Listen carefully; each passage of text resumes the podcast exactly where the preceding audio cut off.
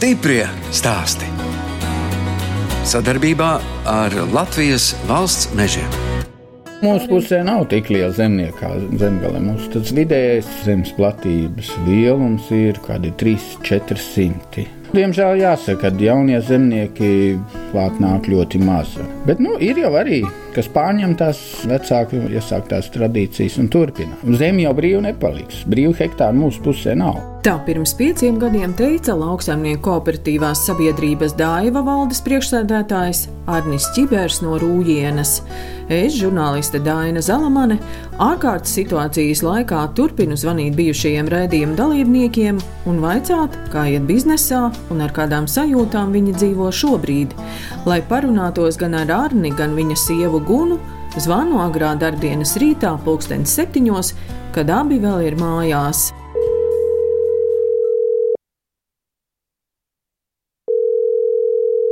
Labrīt! Labrīt, labrīt, labrīt! Ceļamies ap sešiem. Nu jā, lauksaimniekiem jau sezonā tur stundas neskaita, tur darba laiks nav. Ar Arni Čiberu vispirms parunājam par šīs nedēļas laika apstākļiem. Izrādās, vidzemes ziemeļos Igaunijas pierobežā Rūjienā šonadēļ uzsnidzis pat 5 cm biezs sniegs. Tā īsto ziemu nesagaidījām, tad tagad viņi atnāca negaidīt pavasarī. Domājām, ka nu, būs tik ātrs pavasaris un ka martā jau sēs. Un jūnijā varbūt jau varēs novākt, jau būs gatavs. Tad tā ieliek atkal kārtējās interesantās korekcijas. Bet nav pirmo reizi, kad lieldienās ir sniegs un vēl jau viss mais ir priekšā. Tā kā dzīvosim, redzēsim.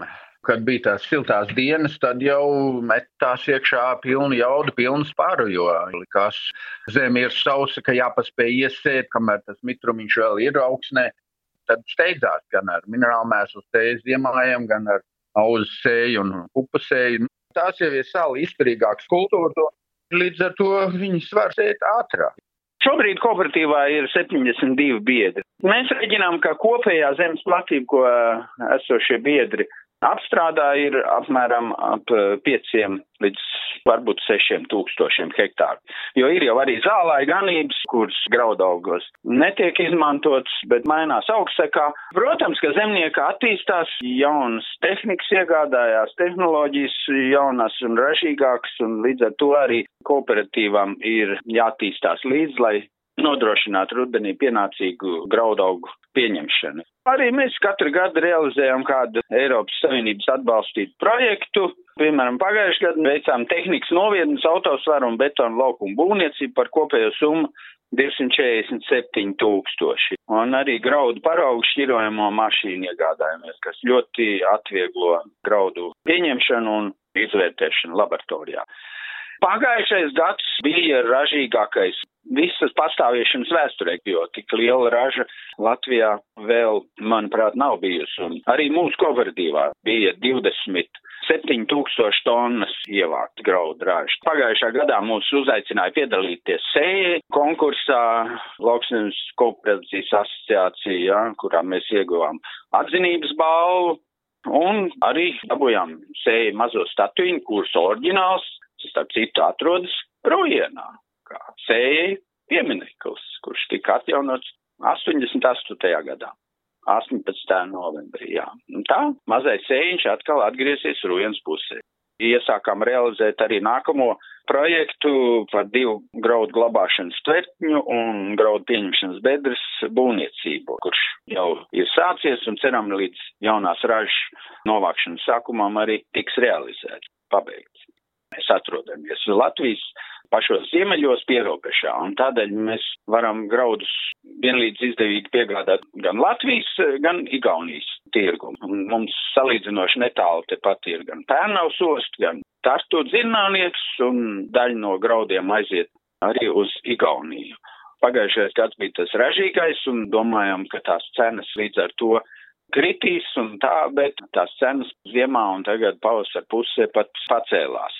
Šobrīd kaut ko prognozēt, tas ir baigi grūti. Dzīvosim, redzēsim, skatīsimies. Protams, ja viņas saliks arī komerces pārvadājumiem, tad tas ļoti ietekmēs. Bet ceram jau, ka līdz tam laikam situācija būs daudz maz atricinājusies, vai arī loģistika būs piemērojusies šai pandēmijas situācijai.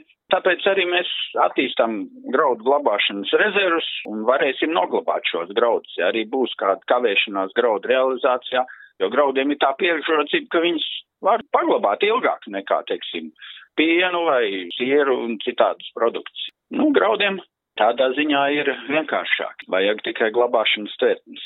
Un ātrāk vai vēlāk viņiem būs gan cena, gan pieprasījums. Daņi, ko es tev vēl varētu pateikt? Gaidīsim pavasarī, jo zemīti jāapstrādā un jāiesēj, un zemnieki vienmēr cer uz to labāko. Ārnis telefona klausuli nodod sievai Gunai.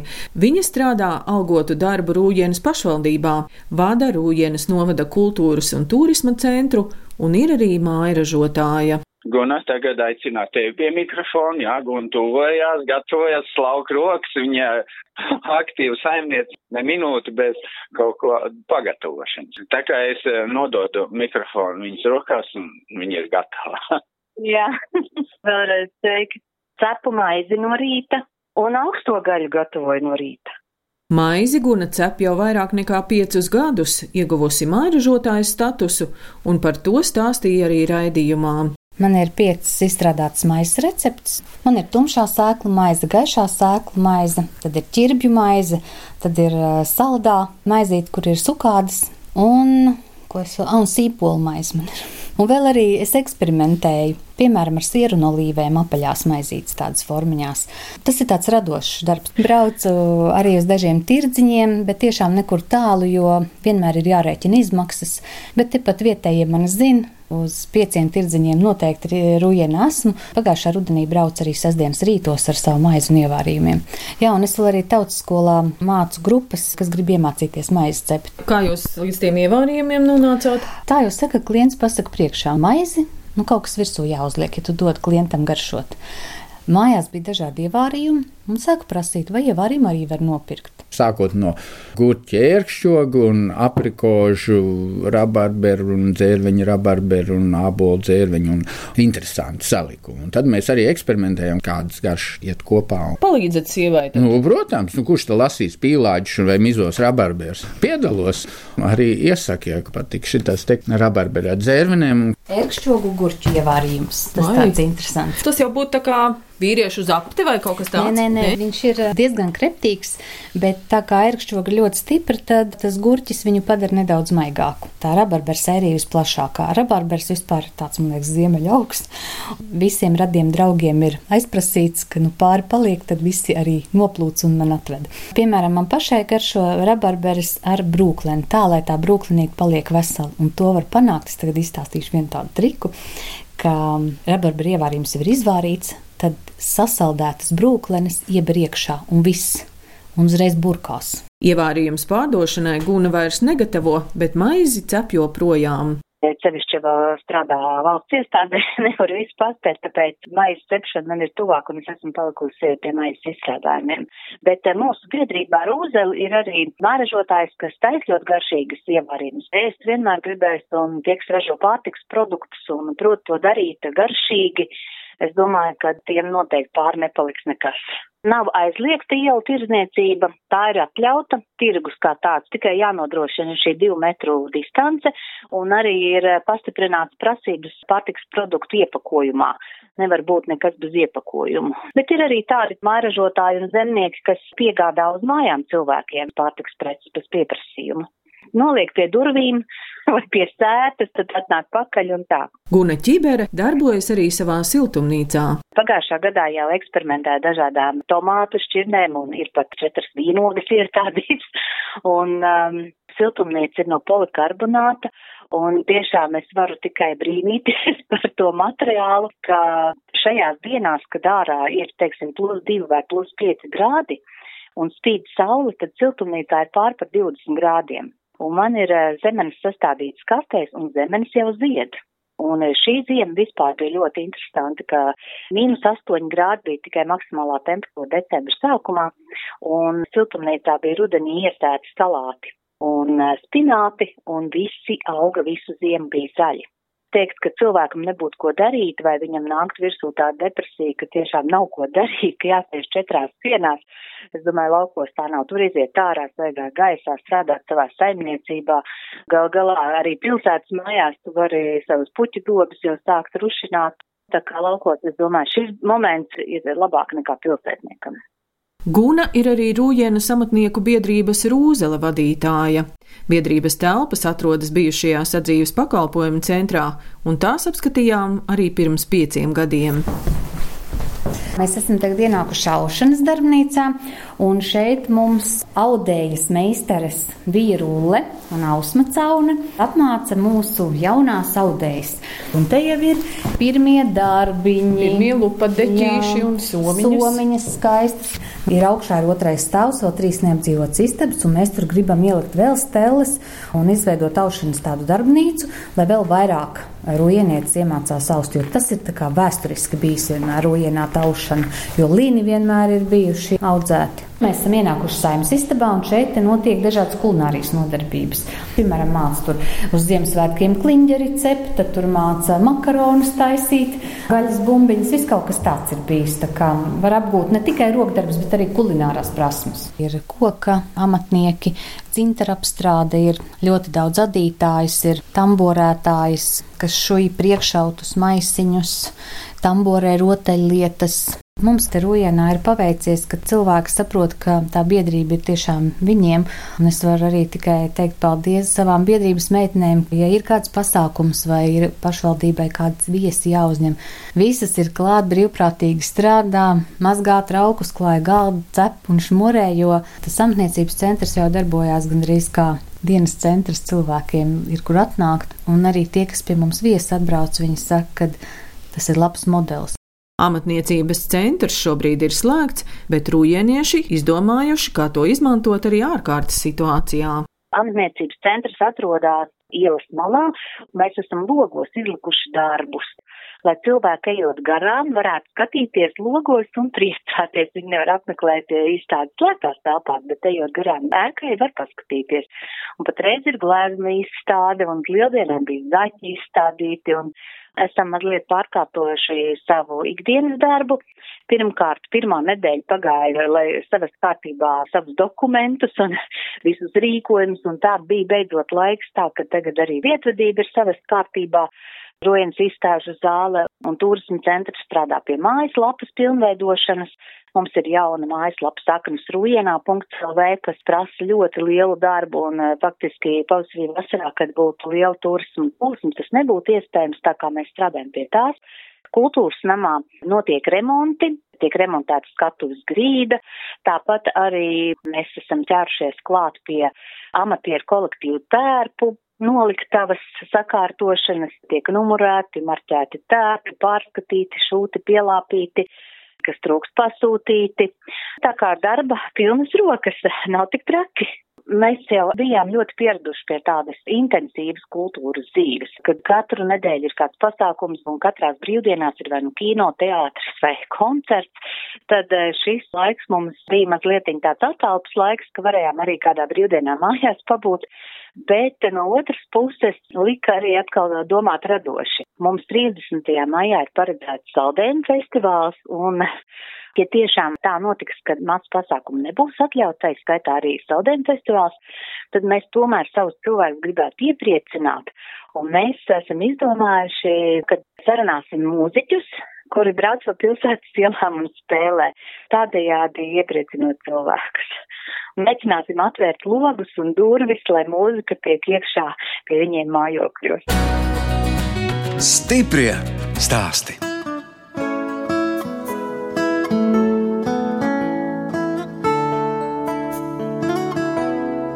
Jūs klausāties raidījumu stipri stāstī. Mana nākamā tikšanās Ielūkojoties raidījuma arhīvā un saruna pa telefonu, būs ar Auces novada īles pagasta viesunama Bemberi saimnieci Mariku Grīslīti. Par viņas uzņēmību liecina fakts, ka viņai un vecākajām meitām ir arī traktora vadīšanas tiesības. Marika stāsta, ka naudu pelnījusi jau no bērnības. Dzīvojam diezgan trūcīgi. Cik jūs bijāt bērni? Mēs bijām pieci. Ja kaut ko labāku gribējām, mums vajadzēja pašiem nopelnīt. Tēvs strādāja mežniecībā, un bērnu kājas bija jānodod, tad bija bebri jānoķer. Arī kurmjādiņas vajadzēja mm, vākt. Un tad mēs likām lamatas mežā, palām visur un gājām katru dienu pārbaudīt, ņēmām ārā tos kurmjus, dīrājām, un kaltējām, un tad dobelē vedām nodot bija MRSā tāda pieņemšanas punkts, kur nodeva visas sādiņas, arī lapsādas un bebrādas. Un tad es atceros, ka 20 kapeikas maksāja pa vienu kurmi ādiņu. Un atceros, pie durvīm mēs tām mazajām nagliņām naglojām, un tur vajadzēja pareizi nostiept, tad tos taukus vajadzēja nokasīt. Mēs to visu darījām.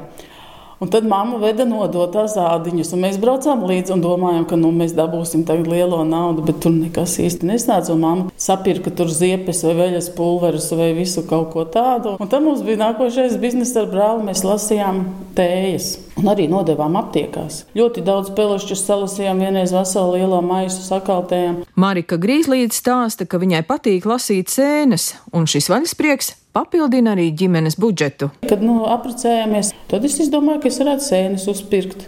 Lasīju pati tās sēnes, arī atbraucu no tirgus mājās, skrēju uz mežu, salasīju sēnes, vēl piepirku klāt, un es patiesībā ļoti labu naudu pelnīju. Un vienu reizi tā sēnes tik daudz, un bija karsts laiks, tā kā tagad tie plus kaut kādi 28, 30 grādi, un es aizbraucu uz Jelgavas tirgu. Un pa to dienu es pārdevu trīs litrus. Es nosēdēju līdz pulkstenes trījiem. Un es domāju, ārprāts, man tā mašīna pilna ir ar tām gailenēm. Karsts laiks viņas sasutīs, nu viņas otrā dienā vairs uz tirgu neatvedīs. Ir Jelgavā tāda silva tirdziņš ir. Un tur parasti nāk cilvēki no darba piecos. Es tagad aizbraucu. Un tie tantuki tādi neapmierināti. Viņi saka, jūs te nedrīkstat stāvēt. Te nāks līdz saimnieks, jūs te aizdīs un iznāk saimnieks. Viņš man saliek tādu smuku galdiņu. Viņš saka, tu nešur tās sēnes, lai ir pilns galds mums. Kaut kāds brīnums bija. Es pārdevu visu to mašīnu, krāmējām abi divi ar to saimnieku. Pārdevu līdz pēdējiem gramam. Tā bija tāda dieva dota kaut kāda veiksme. Tieši tajā brīdī, kad tev visvairāk vajag, un tu esi izmisis, nu ko nu tagad darīt, tad es 400 litrus, ja ne vairāk, iztirgoju vienā vakarā. Kad ciemojos pie Marikas Grīslītes pirms diviem gadiem, viņa tikko bija izremontējusi vecu lauku māju un izveidojusi tur viesu māju Bemberi. Man ir visi logi koka, durvis ir koka, trepes. Nu, Bet kāpēc es... sarkanas? Man šī gada un pagājušā gadā sarkanā krāsa ir mīļākā. Un man gribās to sarkano krāsu. Un arī tā ēka ir sarkanu ķieģeļu, un tad arī iet klāta sarkanais. Es domāju, ka ir labi. Tas ir interesants tās flīzes, tā kā, nezinu, mēs būtu kādā dienvidu valstī, tādas rakstainas. Raibas, lai neredz netīrumus. Šīs flīzes ļoti labi kopjās, un viņas ir zilgan pelēkas. Viņas ir raibas un viņas pieiet arī pie sienām. Grīdas man ir apsildāmās. Tas ir centrālā apkuras kamīns. Viņš silda gan pirmo stāvu, gan otro stāvu. Ļoti jaudīgs.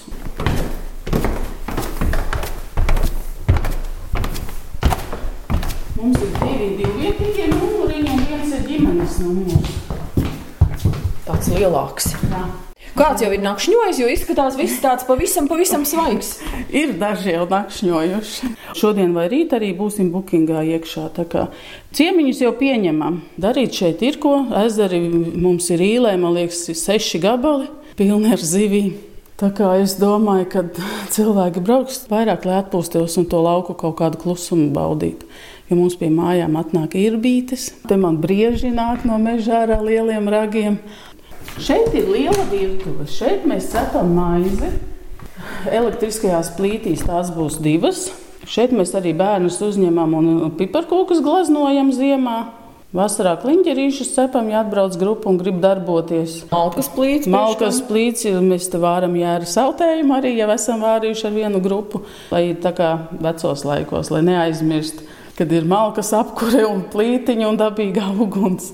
Kā jūs sākāt maizi cept sākumā ģimenei? Maizi sāka cept man laba kaimiņiene un draudzene Ina Gudele. Es tās receptes bišķi uzlaboju, nu sākām cept paši. Iegaršojās. Kādu tad, jūs cepat ar augu vai ieraugu? Ar dabīgo ieraugu. No katras reizes atliekta mazumiņu, Un tad nākošā reizē pieliek viņu klāt. Cepu sālskā maizi, rupmaizi un arī baltmaizi nu, no kviešu tīru miltiem. Un rupmaizi cepu no saviem rucu miltiem bioloģiskiem. No kviešu miltus es piepērku klāt dobeles dzīvnieka. No sākuma es sāku cept priekš turistiem, jo, ja pie manis atbrauc grupa, viņi grib paēst zupu uz ugunskura vārīt, un tad es klāt piecepu to maizīti. Visi man prasīja, es gribam nopirkt, gribam nopirkt, lai ir viss oficiāli, tad es noreģistrējos kā mājražotājs. Un tad es arī izdomāju cepumus savas firmas. No sākuma šoferīšu cepumi. No sākuma viņi saucās riekstu cepumi. Pārsvarā ir rieksti, žāvētas dzērvenes, žāvētas rozīnes, tad ananāsas sukādes, visādi rieksti. Kad tu brauc pie stūres, forši uzgraust, enerģija ir acis vaļā. Tad izdomājām, ka tie būs šoferīšu cepumi. Mums ir četras meitas, kas to zina, varbūt kāda šeit ir saimniekos pēc gadiem. Un mēs būtu laimīgi, ja kāds te arī paliktu no mūsu bērniem un saimniekot. Kad zvanu Marikai, vispirms vaicāju, vai kredīti par viesu namu jau atdoti. Par viesu māju kredīta saistības nav, jo tur man bija Lada projekts būvniecībā, kur pirmo stāvu es izbūvēju tā kā virtuvi tai maizes cepšanai un turistu uzņemšanai. Par saviem līdzekļiem otrajā stāvā izbūvēju numuriņus, kur viesiem pārnakšņot. Un uh, kredītus centos nomaksāt dikti un ātri, tikko saņēma Lada atbalstu. Tā nomaksāju visu pilnībā, paldies Dievam, Šai nozarītē kredītu nav, bet ir palikusi diezgan paliela lastīte traktoram jaunam. Tā kā tie kredīti ir, bez viņiem nekā. Un arī pavasara tomēr darbiem ir paņemts maziņš kredīts, lai apsētu laukus. Tikko ir lielāks biznes, tur bez kredītiem neiztikt. Bet, nu, uz šo brīdi neteiktu, ka ir kaut kas ļoti kritisks. Nav jāiet vēl lūgt pagarinājumus. Viss pagaidām notiek.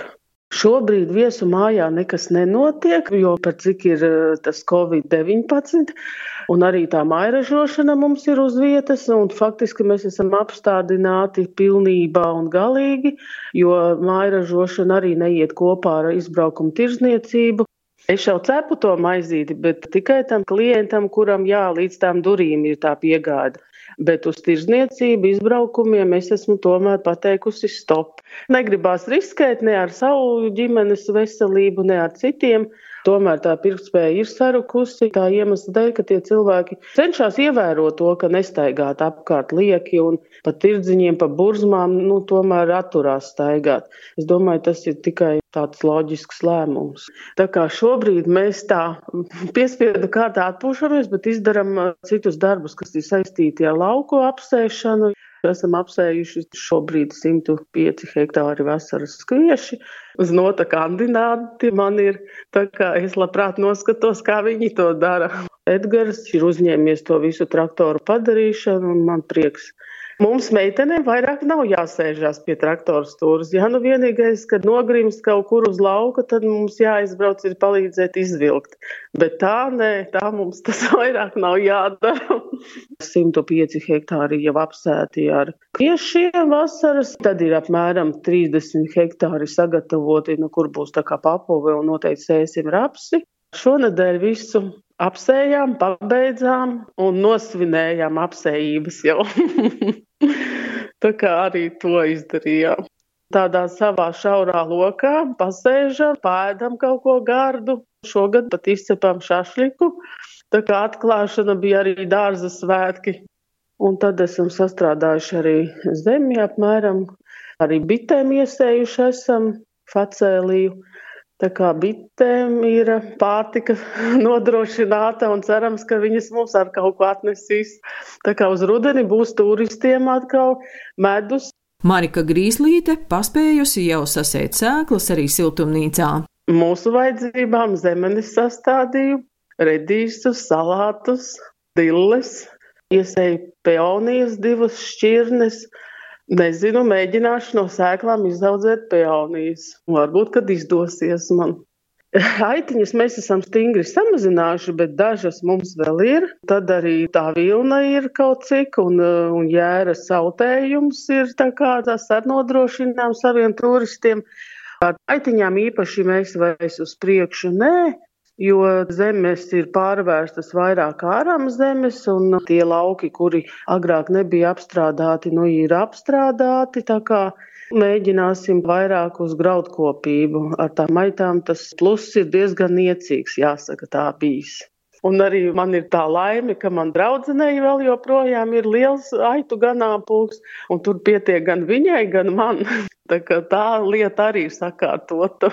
Bet austes aužu mājās, un uh, šobrīd stelēs to pledi, tādi silti no aitu vilnas, riktīgas dzīves mūsu pašu, krāsaini, tādi pavasara krāsās, oranžīgās un zaļās košās.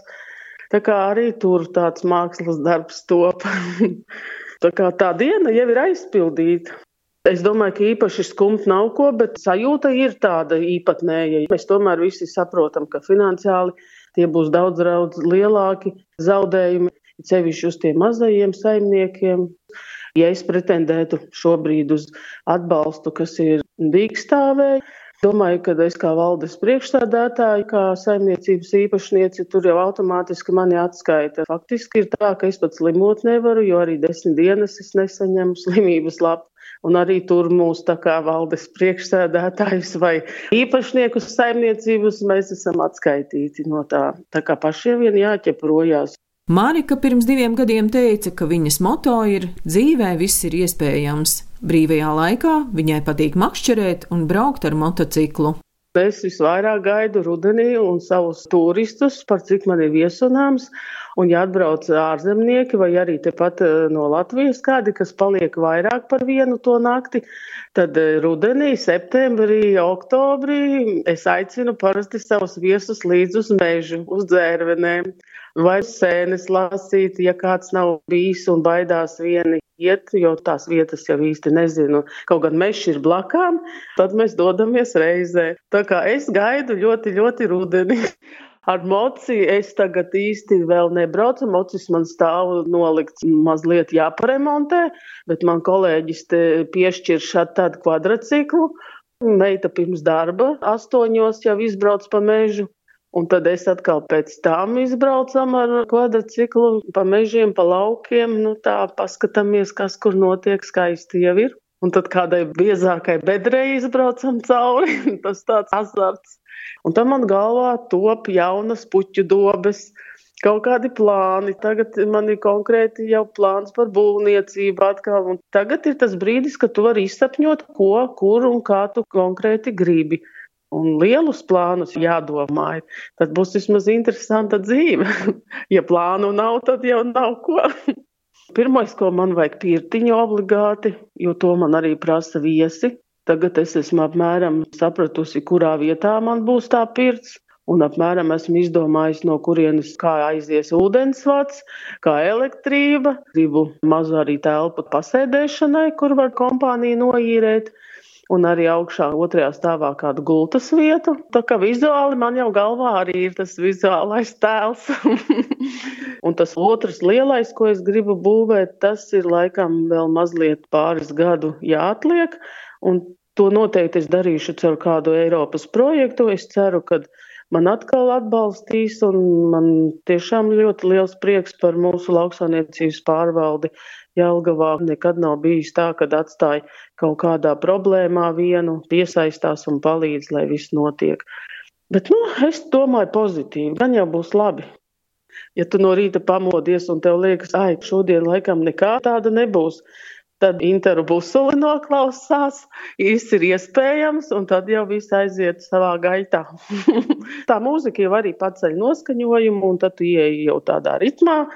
To es pat ieteiktu visiem. Sākt to rītu, ja tiešām liekas tā, ka šodien ir nomācies un ai, nekur neviens neko nedara, negaida un nekas īsti nav jādara tad noklausīties tādu pacelājošāku, ātrāku mūziku, un tad aiziet. Tad arī māju uzkopt ir daudzreiz vieglāk un ātrāk liekas tas viss darās.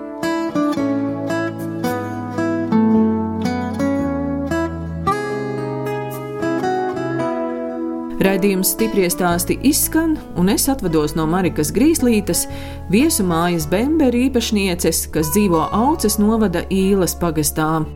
Ārnis Čibers Rujenā vada lauksaimnieku kooperatīvu Daiva, bet viņa sieva Guna ne tikai cep maizi, bet arī domā par to, kā ārkārtas situācijas laiku Rujenā padarīt iedzīvotājiem patīkamāku. No jums atvedās žurnāliste Dāna Zalamane un operātore Inga Bēdele lai tiktos atkal tieši pēc nedēļas.